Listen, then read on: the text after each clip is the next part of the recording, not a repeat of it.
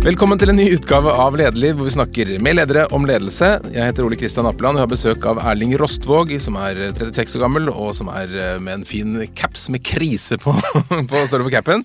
Du er administrerende i Good Game AS, Erling. Velkommen. Takk skal du ha. Hva er Good Game?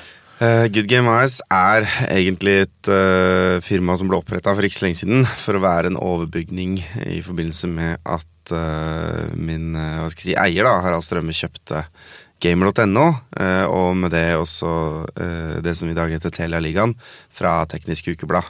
Så det er på en måte firmaet som eh, er oppretta for å være en paraply for alt vi driver med, da. Og dette handler om noe som jeg ikke har noe peiling på, egentlig, og det er e-sport. Hvor stort er e-sport? Eh, I verden er e-sport veldig stort. Eh, samtidig så vil jeg vel si ikke tro på alle tallene du hører. eh, og så i Norge så er det ekstremt stort i den forstand at det er eh, veldig mange unge mennesker som har et forhold til det, men hvor eh, hva skal jeg si profesjonaliseringen, organiseringen, eh, pengene og sånn foreløpig er ganske små.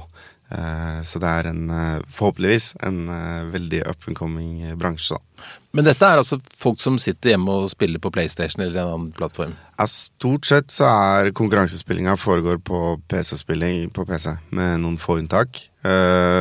Men ja, det er, det er konkurranse i dataspilling. I teorien så kan du konkurrere i virksomhetsspill. Uh, du kan alltids jage en tid eller en poengsum eller noe sånt, men det vi måte, kjenner best som e-sport, det er spill som er uh, designa for å spille om og om igjen. I et sånn form for set piece, litt som et sjakkbrett. og hvor på en måte begge lag har de samme forutsetningene for å, å vinne. da. og hvor det du gjorde i går, sånn rett bort fra at det var god trening, ikke har noe å si for hvordan du gjør det i dag. da. Hva er de største spillene nå? Um, I Norge så er det uten tvil Counter-Strike, som jo er et 16 år gammelt spill. Uh, I tillegg så er det ting som League of Legends, uh, Heartstone, som er et kortspill, Player Unknowns Battlegrounds. Uh, Fortnite er veldig stort, men er veldig lite utvikla som e-sport foreløpig. Uh, Dota 2 er et spill som er stort mm. på verdensbasis, men ikke så stort i Norge. Mye handler om kamp? Skyting? Eh, av de jeg nevnte nå, så er det vel tre skytespill, da. Eh, men det er klart det er veldig mye i dataspillet, veldig mye estetikk som handler om kamp i en eller annen form. da Som ikke er skyting, men i, i, League of Legends og Dota 2 så, så styrer du små figurer i fugleperspektiv som jo denger løs på hverandre med klubber og sverd. eh, men det er en mer karikert eh, Tom og Jerry-aktig vold, da, hvis du skal si det sånn. Eh, Heartstone er et kortspill som minner om en blanding av poker, i den forstand at du spiller en del på odds, men som også har et strategisk element, både i rekkefølge, men også hvor på bordet du plasserer kort. Mm. Så det har også likhetstrekk med sjakk, vil jeg si, i forhold til hva, du, hva som kreves av deg for å være mm. god. da. Mange av oss tror jeg fikk et sjokk da vi leste i, i juli om denne Emil Bergquist Pedersen som sammen med partneren sin vant 26 millioner kroner i, i Fortnite. Altså, det, da tenkte man wow, dette gutteromsgreiene er jo big business. Ja. Eh, jeg har sittet og sett på de overskriftene i tre år nå. Og, og, og journalisten er like overraska hver gang. så det er klart uh, E-sport har vært stor internasjonalt, og for oss som sitter og jobber med det, så er det en litt sånn Hva skal jeg si En, en liten sånn frustrasjon da, i at vi aldri kommer forbi de der sjokkoverskriftene. Hæ, det går an å leve og spille dataspill, liksom. Den, den biten der. jeg gleder meg til vi kan komme dit at det er samme journalisten som jeg snakka med sist gang, som skriver om det, og at vi på en måte får litt eh, grunnlag for forståelse og dybde og sånn, da. Mm. Men eh, ja, e-sport er big business internasjonalt. Uh, det er en av de få måtene du kan henvende deg til et ungt publikum mellom 18 og 25, som virker. Og, og, det er jo sånn nå at noen, over 80% eller noe av alle unge da, spiller dataspill i en eller annen form. Så det, på måte, det foregår på en arena om en estetikk, om en eh, hva skal jeg si, på en plattform da, som, som veldig veldig mange unge kjenner seg igjen i. Og disse pengene, det er altså det er reklame som selges gjennom spillene? Er det sånn det kommer inn? Altså? Ja, det varierer litt. Altså, I noen tilfeller så, så ser du at det er de som har laget spillet, de har tjent veldig mye penger på spillet, og så ønsker de at spillet skal ha en lang levetid, så de kan fortsette å tjene penger på spillet. Og dermed så har de rett og slett investert veldig mye penger, slags uh, Altså de forsøker å pumpe det opp kanskje til noe mer enn det der, i, i håp om at det skal holde seg der. For det, det må være klar over at uh, fra en spillutviklers perspektiv, så er e-sportbransjen ganske nådeløs.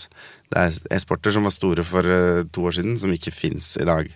Uh, I motsetning til i tradisjonell idrett, hvor på en måte ting enten blir stort og holder seg, eller bare aldri uh, blir digert. Um, og så er det sånn som i, i Dota 2 så har de et årlig VM som de kaller for The International, hvor premiepotten bestemmes av eh, spillernes, og da ikke bare deltakerne i VM, men alle spillerne på alle nivåer i alle land, sine eh, investeringer i f.eks. Uh, virtuelle um, samlealbum, da.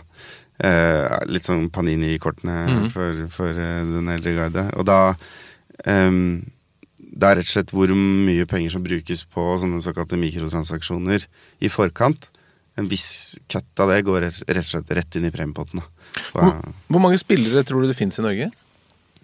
Uh, det er et godt spørsmål. I ligaen vår så har vi jo 4500 ca. Mm. Um, og, det, og det gjør oss jo til jeg, jeg tror det er en sånn topp ti største organiserte idrett i Ja. landet. Mm. Uh, i i, hvis du kan kalle det idrett. Men uh, det er jo flere enn det. Det er jo ikke alle som spiller i vår liga. Eh, og så er jo spørsmålet når hvor, hvor setter du streken mellom måte, løkfotball og organisert idrett? Mm. Det, den er jo veldig flytende innen gaming. Og så har jeg vel bildet at dette er litt sånn tenåringsguttfenomen, men det er kanskje ikke bare det lenger? Det, det vil jeg jo ikke si at det er. Altså Gjennomsnittsalderen i ligaen vår er jo Uh, vi, har, vi har ikke tall på alle, og sånn, men blant de som velger å rapportere, da, så, så er den uh, godt opp i 20-åra.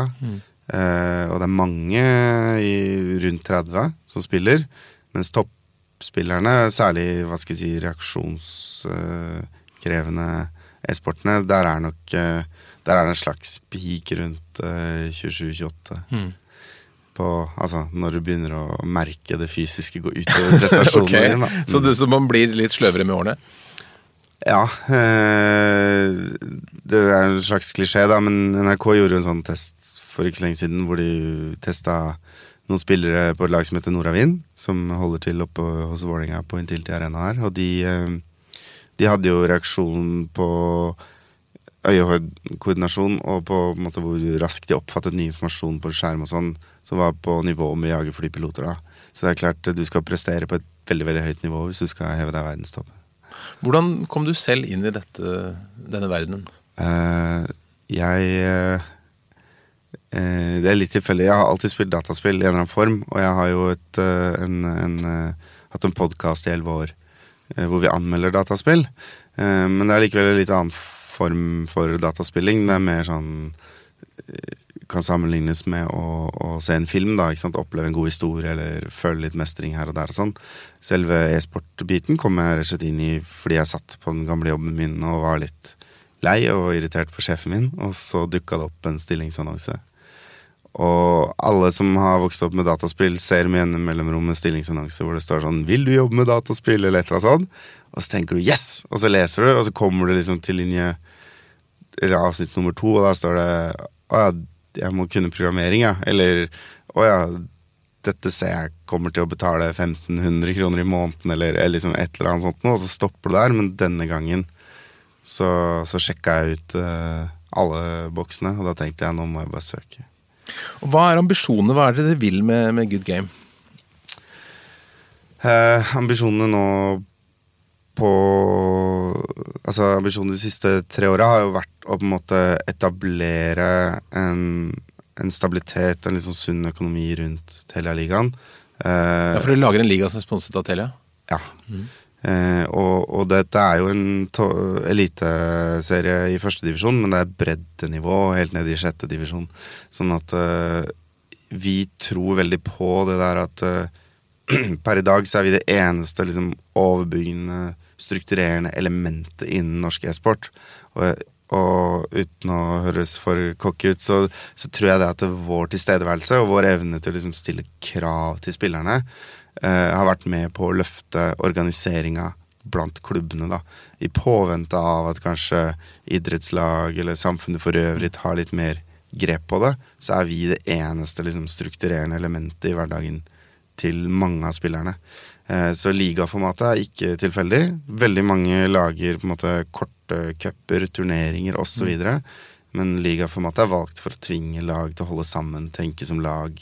Eh, jobbe litt langsiktig, da. Mm. Så målet er jo å bygge opp norsk e-sport, og i prosessen så tror vi at eh, på en måte, kaka i bransjen blir større, sånn at det vil være sunt for bedriften vår også. Men det bygges da veldig opp som, som en idrett, egentlig, altså med, mm. med, idrettslag og organisasjon osv. Er, det, er det noe interesse fra altså Har du noe kobling med norsk idrett? Er det, har ja, du prøvd å bli medlem av Idrettsforbundet? Eh, ja, vi har snakka med Kulturdepartementet, vi har snakka med Norges idrettsforbund. Eh, det er i ferd med å etableres et sportforbund som egentlig har klarsignal til å søke opptak i, i NIF. men det må organiseres litt, og særlig i etableringsfasen så, er, så må noen jobbe uten lønn med det. Det er ganske krevende. Så det går litt uh, steg for steg.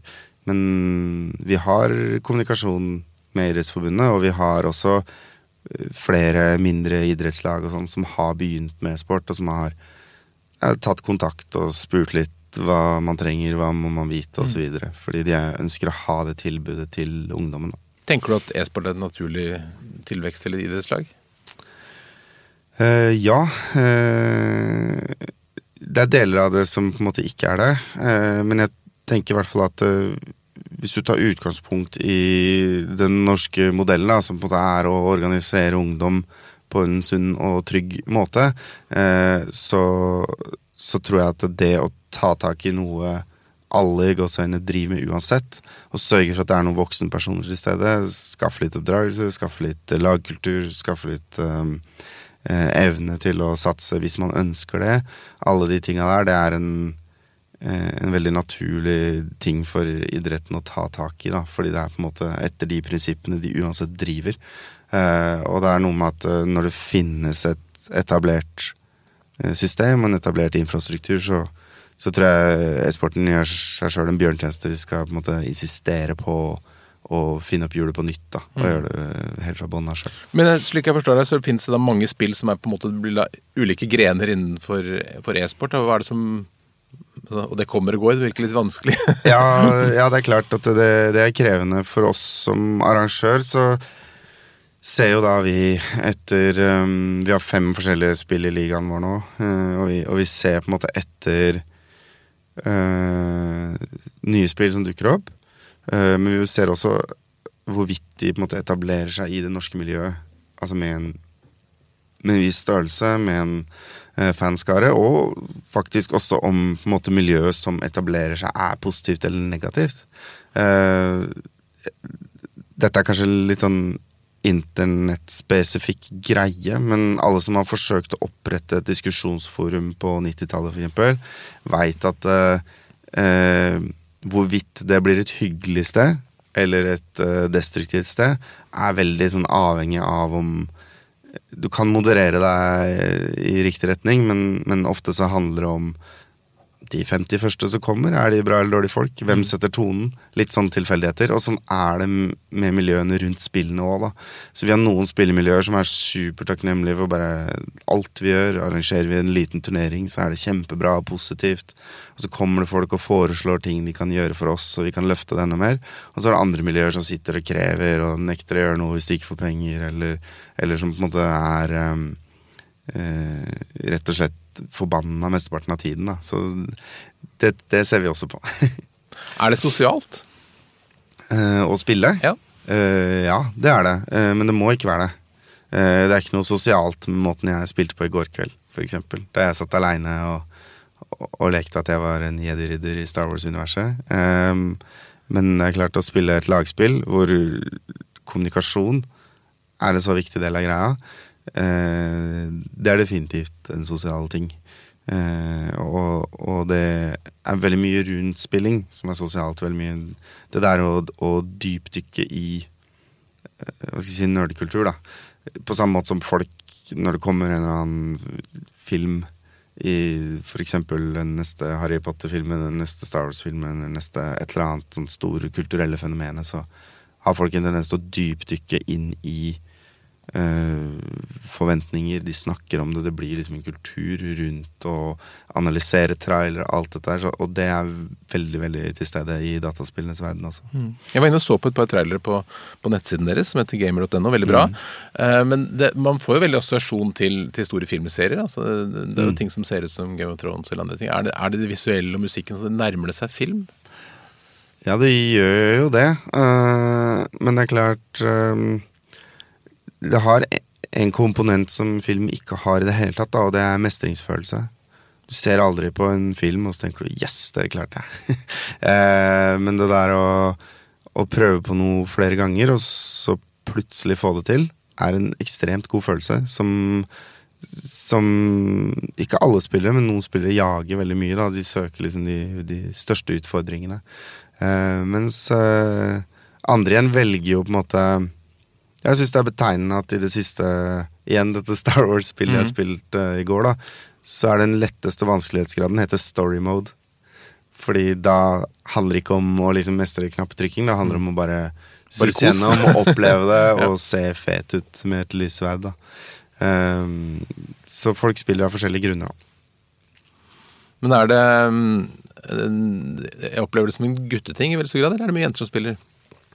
Um, det er um, suverent flest gutter som engasjerer seg i uh, den mest ihuga delen av, uh, av kulturen. Både rundt e-sport og, og rundt uh, dataspilling, og, og som er lesere på f.eks. gamer.no generelt. Men det er, da jeg sa 80% minst 80 av ungdomsspillere i stad, så tror jeg tallene er noe sånn 96% for gutter og 86 for jenter. I alderen I hvert fall fram til 16 år, da. Eh, men de spiller gjerne litt forskjellige ting. Eh, og det vi ser, er at jentene kanskje faller litt fra, eller i hvert fall eh, ikke ønsker å knytte det å være en gamer til en del av identiteten sin. Og det er det mange årsaker til. Det har litt med markedsføring å gjøre. Jeg tror markedsføringa av dataspill som en guttegreie, og som en barnegreie, ikke minst, på, har påvirka verdens oppfatning av hva det er, lenge. Eh, og det har selvfølgelig også noe, dessverre, med at særlig deler av internett, da, hvor, hvor mye av kulturen befinner seg på, er prega av ganske hatsk forhold til kvinner og, og mye drittslenging og en del sånne ting. ja. Er det et problem for e-sporten? Eh, ja, det er det potensielt, og det er jo en av grunnene til at jeg nevner eh, tilstedeværelse av voksenpersoner på organisering på lavere nivå tidligere også. Fordi det er definitivt liksom ja, De fleste har måte vært innom en eller annen form for organisert idrett, spilt fotball eller et eller annet sånt, og det er klart på et eller annet punkt eh, i en ungdomsgjeng så sklir det ut hvis ikke det står en trener eller noen andre med autoritet på sidelinja og sier du kan faktisk ikke takle folk i magen med knottene først, eller sånn der kan du ikke si til folk. Uh, og, og det er ganske naturlig, så vi tenker ikke over det. Men i deler av e-sportmiljøet så ser du veldig at den greia ikke er til stede. Da. Og da, da får du 14-18-åringer i fri utfoldelse. Da, det er ikke alltid det blir kjipt, men det er på en måte ingenting som hindrer det å bli det heller. Du har er en erfaring med fotball eller fra klanen. Du er en talsperson for klanen nå. Det stemmer. Eh, hvilke paralleller er det mellom klanen og e-sportmiljøet? Eller Vålerenga og e-sportmiljøet? Ha, um, Det er åpenbart en del felles, da. I måten Ja, altså begge deler er jo på en måte uh, publikumssporter, da. Eh, men det er vi, vi bygger jo Jeg har snakka litt om det. Vi, vi prøver å bygge e-sporten litt sånn fra bredden opp. Eh, men e-sport generelt er jo prega av at det er en veldig sånn top down-organisering. Alt fokuset er på måte Champions League. Eh, det er veldig lett å dra metaforer mellom fotballen Ja, og e-sporten. men, hvordan de, men hvordan ting er grunnleggende organisert, er jo forskjellig. Og for meg som eh, talsperson i klanen, så er jo liksom fraværet av en etablert supportkultur, f.eks., er jo veldig sånn åpenbart. Det er et mye mer sånn eh, konsumentfokusert publikum, da. De, de er kunder Mm. på en helt annen måte enn den derre klassiske alle i bygda drar og ser-greia som du har eh, i fotballen. Eh, en annen eh, kanskje utfordring med e-sport nå er jo at den er på en måte grenseløs.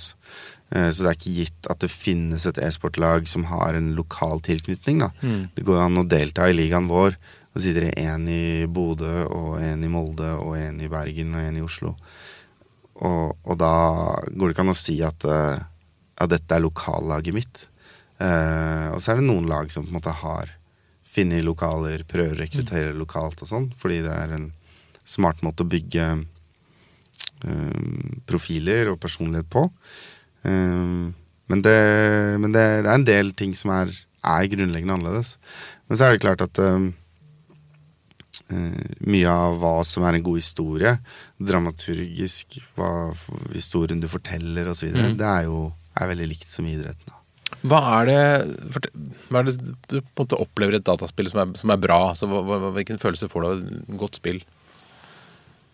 Altså, som spiller så er jeg ute etter helt andre ting enn som seer. Um, og som, som spiller for meg så er det det der å føle på mestringsfølelsen innimellom.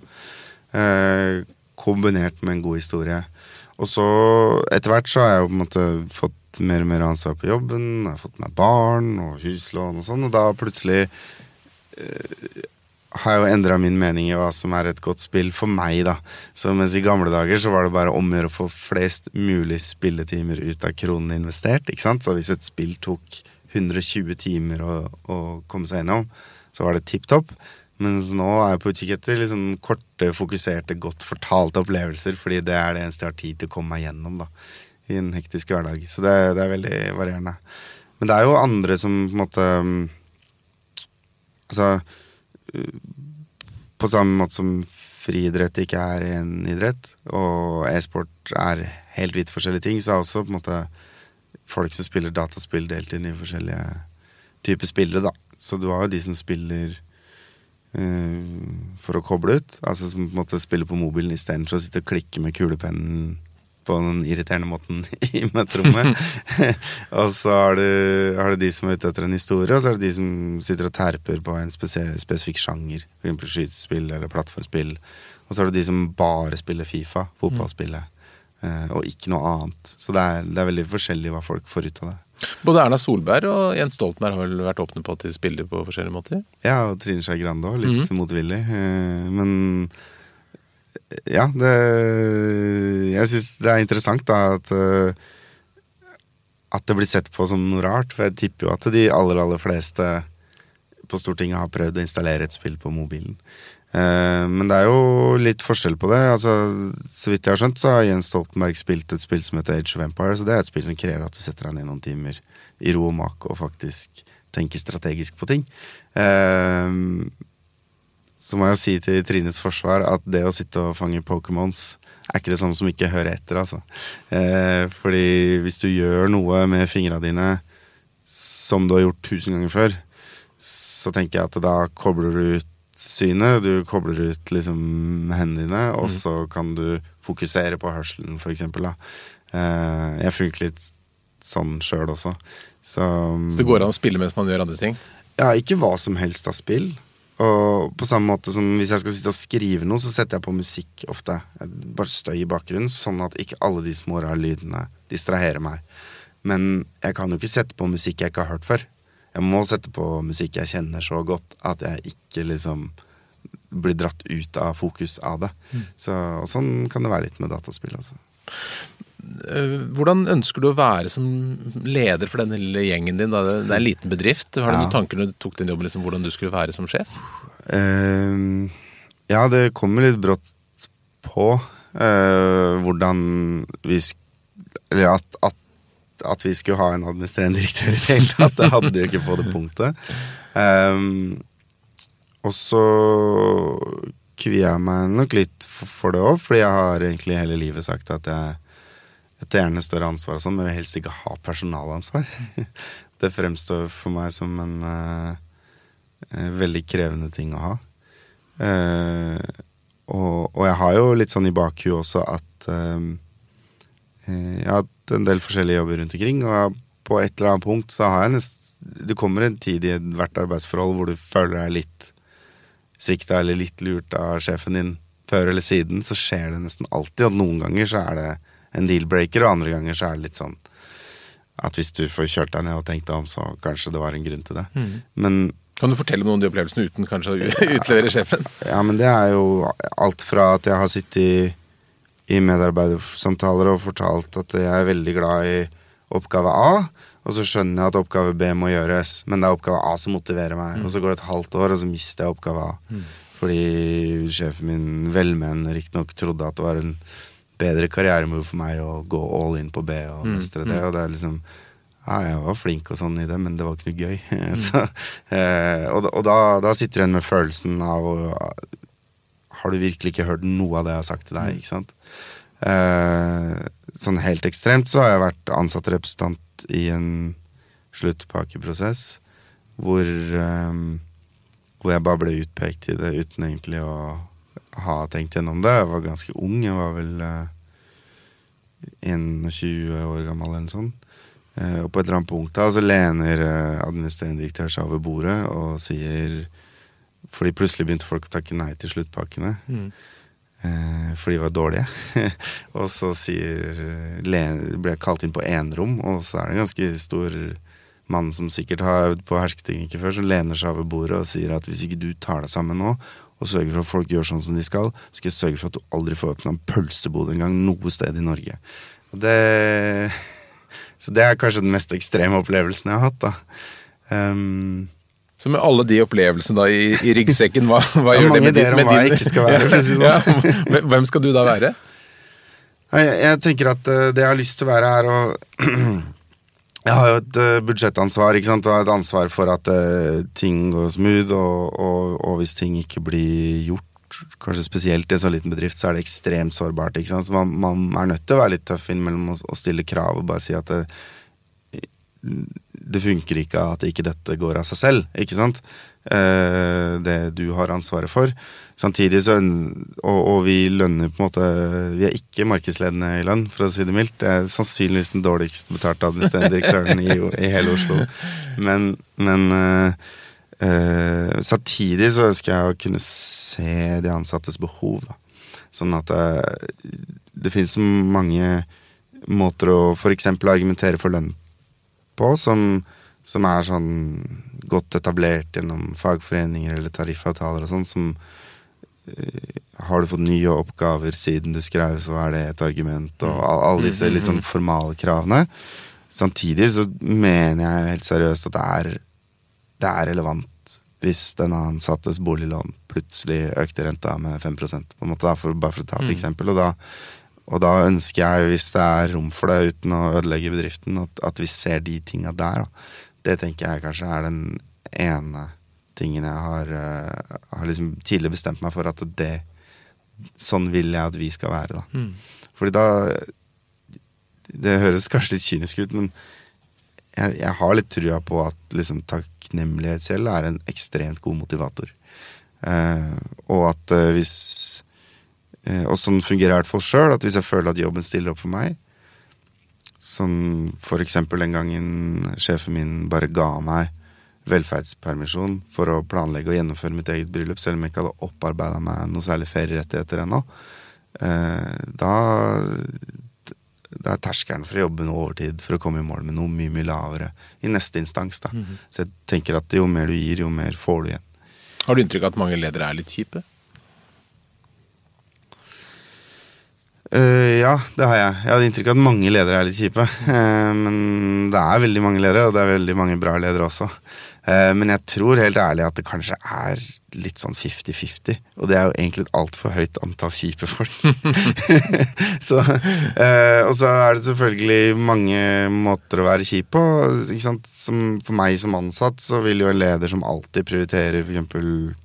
aksjonærenes behov foran de ansatte, vil jo være per definisjon kjip. Og så i et annet perspektiv kanskje vedkommende bare gjør jobben sin, da. Eh, men jeg tror jo veldig på at det, eh, det å oppfattes som rettferdig og ålreit eh, og, og, at de ansatte føler de blir sett, er en veldig god måte å få effektive ansatte på. Altså, du får mye mer ut av folk. Så jeg tror det er, det er mye misforstått lederskap der ute som handler om å, å på en måte være eh, autoritær på feil måte. Mm. Og det, det, tror jeg eh, Altså, du kan sikkert få se på på samlebåndet på en måte i Volvo-fabrikken og, og tjene mye penger på det på kort sikt, men hvis det preger alt du gjør, og hvis du, hvis du tar de eh, eh lærdommene og, og, på en måte setter de på enhver situasjon, enhver eh, verdikjede uten kontekstforståelse, så, så, tror jeg du på sikt liksom sliter ut mm. eh, arbeidsstokken din, og, og så kan det hende det lønner seg på de åtte neste kvartalsrapportene, men, men så plutselig så sitter du igjen mm. uten noen ting, da. Den gjengen som, som, du da kjenner godt til, som er unge, mest gutter som har spilt mye sånn, er de, er de en spesiell gruppe å få inn som arbeidstakere? Nå tenker jeg ikke på deg, men hvis jeg eller andre ledere får si, unge gamergutter inn i organisasjonen, er det spesiell måte de bør ledes på? Uh, nei, det Vet du hva, vi bruker jo en del Altså uh, folk som spiller mye, jobber som administrator for oss. Får egentlig uh, knapper og glansbilder. Det er nesten en frivillig jobb, men du får noen hundrelapper her og der. Eh, og, der og, og det, å være administrator er omtrent som å være dommer da, i en mm, kamp. Bare mm. at du istedenfor å sitte og se på alle kampene, sitter bare og leser rapporter, på en mm. måte. Um, og det uh, Min erfaring der er at vi skyter litt med hagle, og så prøver vi folk. Mm. Og så er det noen som på en måte har evnen til å ta et skritt fram og vise en eller annen form for ansvarsfølelse. Mm. Og så er det noen som på en måte gjemmer seg bort, eller ikke gjør en eneste ting. Du må liksom si 'gjør det', og nå gjør du det, og nå gjør du det. Hvis ikke så blir mm. ingenting gjort, da. Og, og der, da siler vi jo bare vekk de som ikke er sjølgående, og så bruker vi de som har ansvarsfølelse. Ikke, og, det, og, det, er jo ikke noe unikt. Sånn er det jo i hele, mm. hele Norge. eh, så, men, men det, det fins et eh, foredrag eh, av en dame som heter Jane McGonigal, tror jeg, som har forska litt på hva som gjør gamere unike eh, i hodet sitt. Eh, og nå husker jeg ikke alle, men hun har liksom destillert det ned til en seks-sju punkter eller noe sånt.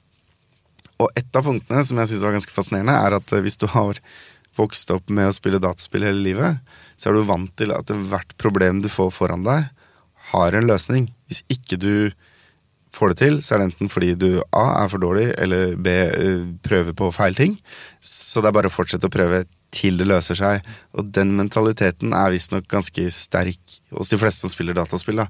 At det er en blind tro på at det fins en løsning på hvert problem. Og det kan selvfølgelig sikkert gå gærent også, men, men jeg tror det er en ganske god uh, egenskap å ha da, som uh, arbeidstaker. At du på en måte evner å alltid se etter en ny løsning hvis du merker at noe på en måte stopper opp på et eller annet sted. Så du tenker at det kan gi verdi inn i arbeidslivet? Ja da, eh, det tror jeg. Og så tenker jeg at det eh, liksom På samme måte som andre kulturuttrykk, eh, det å ha lest en bok, det å ha sett en film, det å ha uh, hørt på radioprogram eller uh, lest en tegneserie for den saks skyld, på en måte er med på å forme floraen av ideer du har i huet ditt, da, så er jo ikke dataspill noe annerledes på den måten. Men det Mange sier at det er vanskelig å tilfredsstille gamere fordi de er vant til ting skal gå så veldig fort. Og verden ja. går ofte ikke så fort som i et spill.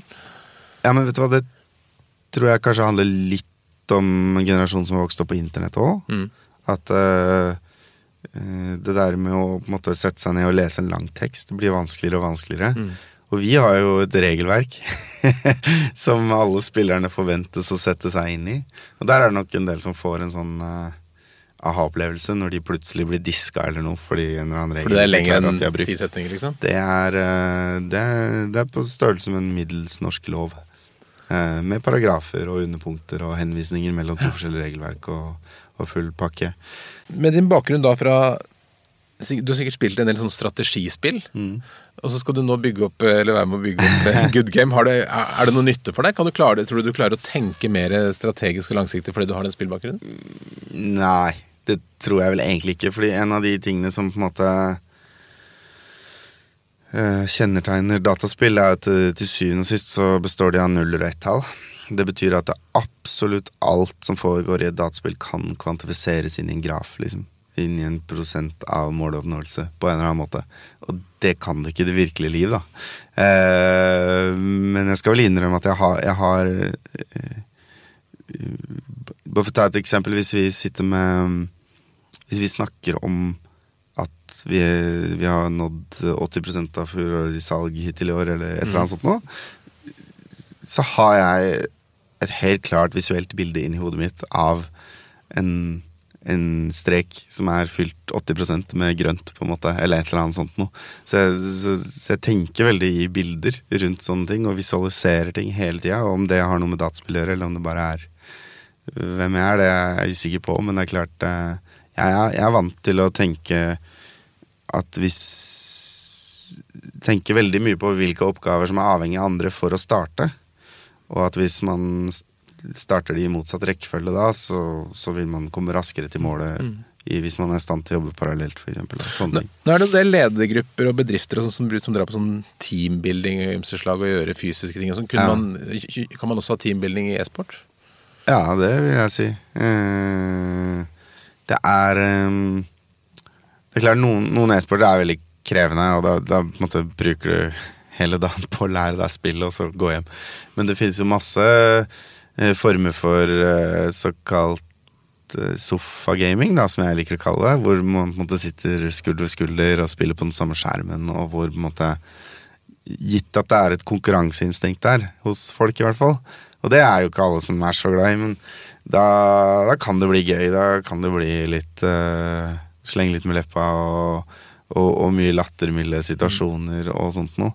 Hvilke så, spill vil du anbefale skulle gå veldig sånn lavterskel? Po. Um, det er som Mario Kart, da, for mm. eksempel. Er jo en åpenbar Det er jo ikke en e-sport sånn etablert i det hele tatt. Fordi det er for mange innebygde elementer som hjelper de som ligger bak, å ta igjen de som kjører best. Men det er jo kanskje en av grunnene til at det ville egna seg som en sånn eh, noe for alle. Eh, og så er det et spill som er min personlige favoritt, som er fire alle mot alle, fire personer av gangen, som heter Towerful Ascension. Hvor man rett og slett hopper rundt på et lite brett og prøver å skyte hverandre med pil og bue. Og som er eh, Jeg har aldri sett noen plukke opp kontrolleren og prøve å spille spillet uten å på en måte til en viss grad mestre det i løpet av 20 minutter. Så det, det er et bra tips. Spørs hvordan forholdene blir på jobben etterpå. Om folk blir mer glad i hverandre eller ikke. ja, men det gjelder vel gokart også, gjør det ikke det? Eller paintball, hvis man Antagelig. Hvis man skyter litt for mange ganger etter at man sier stopp. Ja. ja Men beskriv altså Jeg forstår at denne ligaen er jo på en måte hovedproduktet, eller der du bruker mest av ressursene. Beskriv for utenforstående hvordan er det den foregår?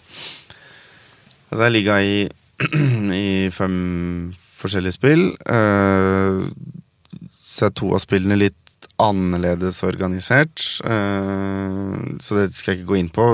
Det ene spillet blant annet fordi det er 20 lag som spiller samtidig på det samme brettet mot hverandre, så da funker det ikke med et klassisk sånn ligasystem hvor man møtes to og to uh, i tur og orden. Men i de andre spillene så, så er det altså uh, ti lag i hver divisjon, og så spiller de en kamp i uka uh, over ni uker. hjemme bortelag og sånn har ikke så mye å si mm. i e-sport. Um, hvor, hvor, langt er et spill? Hvor lenge spiller man? Ja, Det varierer jo litt, da, men hvis du f.eks. i Counter-Strike spiller de jo eh, best av to, som det heter, så det kan bli uavgjort, da.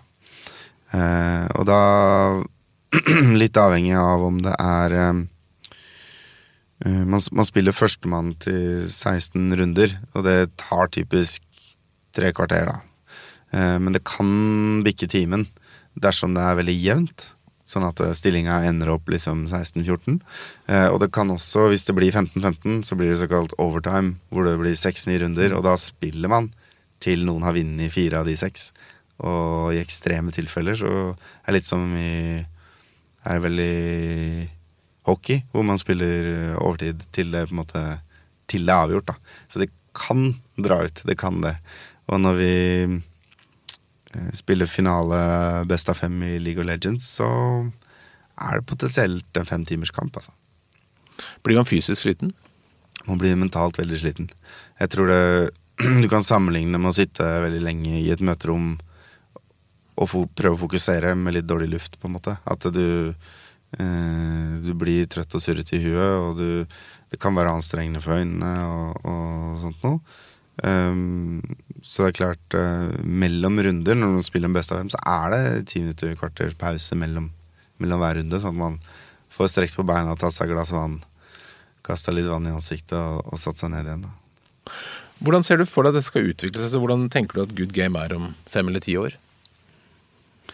Ja, godt spørsmål. Uh, jeg tipper vi arrangerer et, minst ett liksom, kjempestort event. Altså Nå har vi sluttspillet i Telia-ligaen, som jo på en måte er det eneste dedikerte e-sport-eventet i, i, Norge, og, og, som har på en måte Som jeg i hvert fall syns er ganske spektakulært i foreløpig, men Eh, men, men, det vi mangler, er jo på en måte å få hva skal si, allmuen mm. til å komme. Det er mye den harde kjerne og foreldrene deres. Eh, så, så, det tror jeg at vi kan få på større events med mange tusen tilskuere på sikt. At vi kanskje har flere parallelle ting som foregår. At vi eh, søker om å arrangere noen internasjonale mm. turneringer og sånn. Eh, det er jo sånn som i fotballen at eh, EM og VM og sånn kan man på en måte søke om å få lov å arrangere. da. Og da plutselig snakker vi 10-15 ganger liksom omsetning og størrelse på, på eventet sammenligna med hva vi gjør i dag. Eh, og så tror jeg nok vi kommer til å reise mye mer rundt.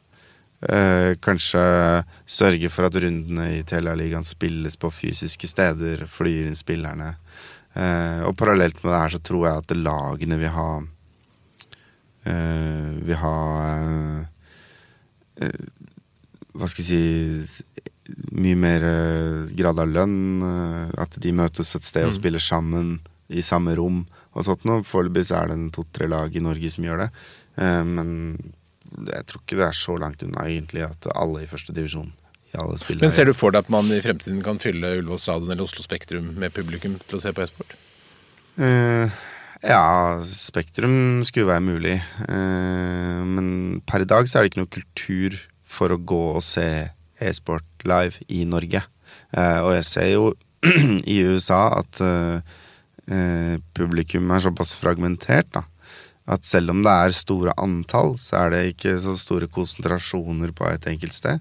Så til og med liksom større VM og sånn eh, i utlandet, så er det noen byer hvor det er veldig kultur for det, hvor det er stappfullt hver gang. Og så er det andre steder hvor de gir bort billettene gratis, men bare en tredjedel av stolene er fulle. Så det er fortsatt et stykke å gå, men det er definitivt mulig.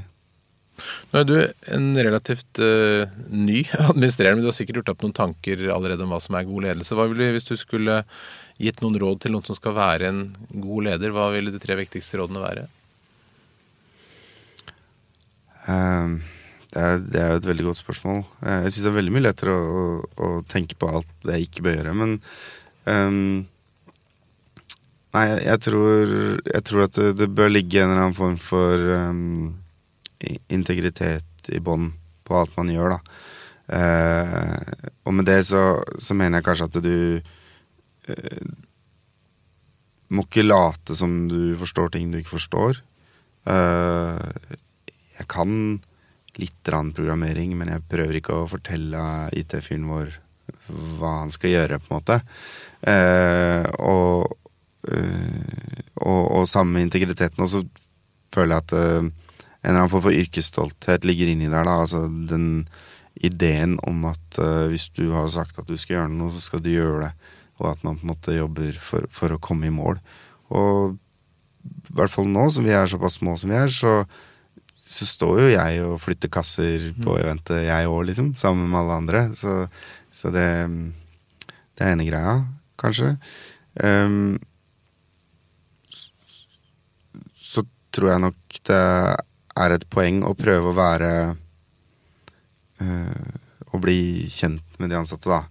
Og så er det minefelt uten dimensjoner. Fordi alle har sikkert hatt en sjef som prøver å være kompis, og så faller det på en måte gjennom. Det virker ikke ekte på en eller annen måte. Og det er ekstremt vanskelig øvelse å bare komme inn og si Altså åpne første personalmøte hvis du er nyansatt leder, for eksempel, og si at eh, jeg vil ikke at dere skal tenke meg på en leder, men som en venn og alt det der. Det, er, det, det blir fort veldig veldig kleint, så jeg har ikke noe oppskrift på hvordan man gjør det, men det er noe med å bare være, være et medmenneske overfor folk. Eh, da Du kan si alt du vil, at det skal være takhøyde og trygt å komme med ting og sånt noe, men folk leser ikke hva som står i mailen. ikke sant? De, de, kjenner på om det føles trygt, og da handler det om medmenneskelige forhold, tror jeg. da. Uh, og, den siste tingen må jo være å Og der er jeg veldig dårlig sjøl, men ikke være redd for å delegere. Uh, jeg vil tro at i hvert fall veldig mange som ikke Som på en måte har blitt leder eller mellomleder gjennom sin arbeidsinnsats Jeg tror at det er ganske vanlig det er å tenke at uh, dette kan jeg gjøre, og dette kan jeg få til, og kanskje til og med også være litt redd for å sette det til andre i frykt for at det skal bli litt dårligere, eller et eller annet sånt. Men det å faktisk uh, jobbe litt med å identifisere hva er det andre folk kan, og ikke minst hva er det de kan bedre enn deg, og så faktisk la de gjøre det, det, det tror jeg er viktig. Veldig gode råd.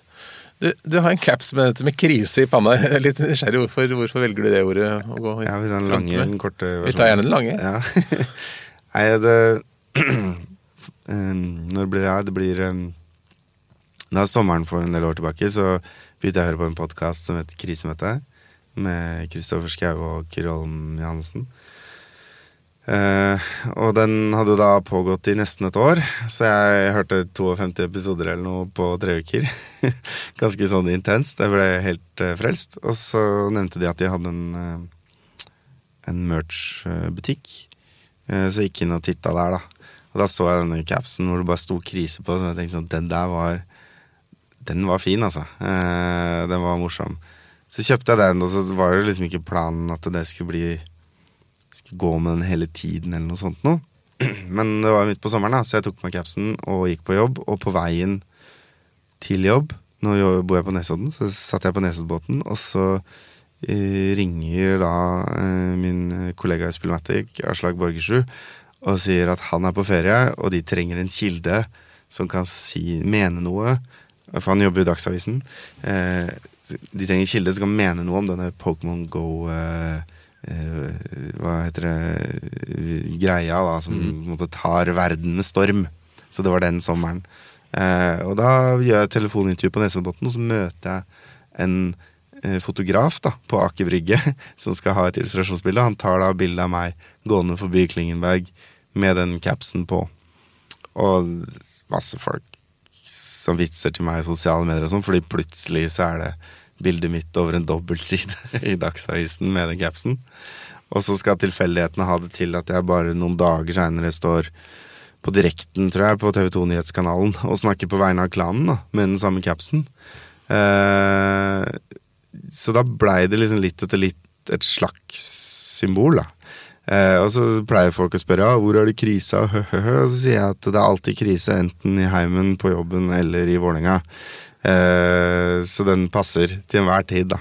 Så, så, nå har det gått fra liksom være en, et litt artig plagg eh, i første gang til å bli en eh, det er på pressebilder, det er, på, det er overalt. Nå, nå, føler jeg at nå er det slags, blitt en del av min offentlige personlighet. Altså nå, så det er din variant av, av topplua til Ton? Eller lua til ja, Ton? Ja, egentlig. Det kan du si.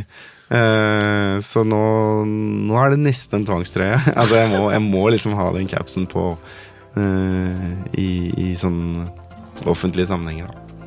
Så da vet alle hvis de ser en mann med en blid fyr med krisecap, så er det Erling Røstvåg? Sannsynligvis. Mm. Tusen takk for at du kom til Lederliv. Bare hyggelig. Takk for at du lytter på Lederliv, som er en podkast fra kommunikasjonsbyrået Apeland. Redaksjonen består av Ellen Paulsen, Lars Jarle Melum, Lars Volden og Ole Kristian Apeland, som er meg. Du finner alle utgavene på lederliv.no, eller der du finner podkast på telefonen eller eh, datamaskinen din. Vi setter pris på alle former for ris og ros og tips og hva som helst, eller eh, også at du trykker på abonner, så får du varsel om at det kommer nye episoder.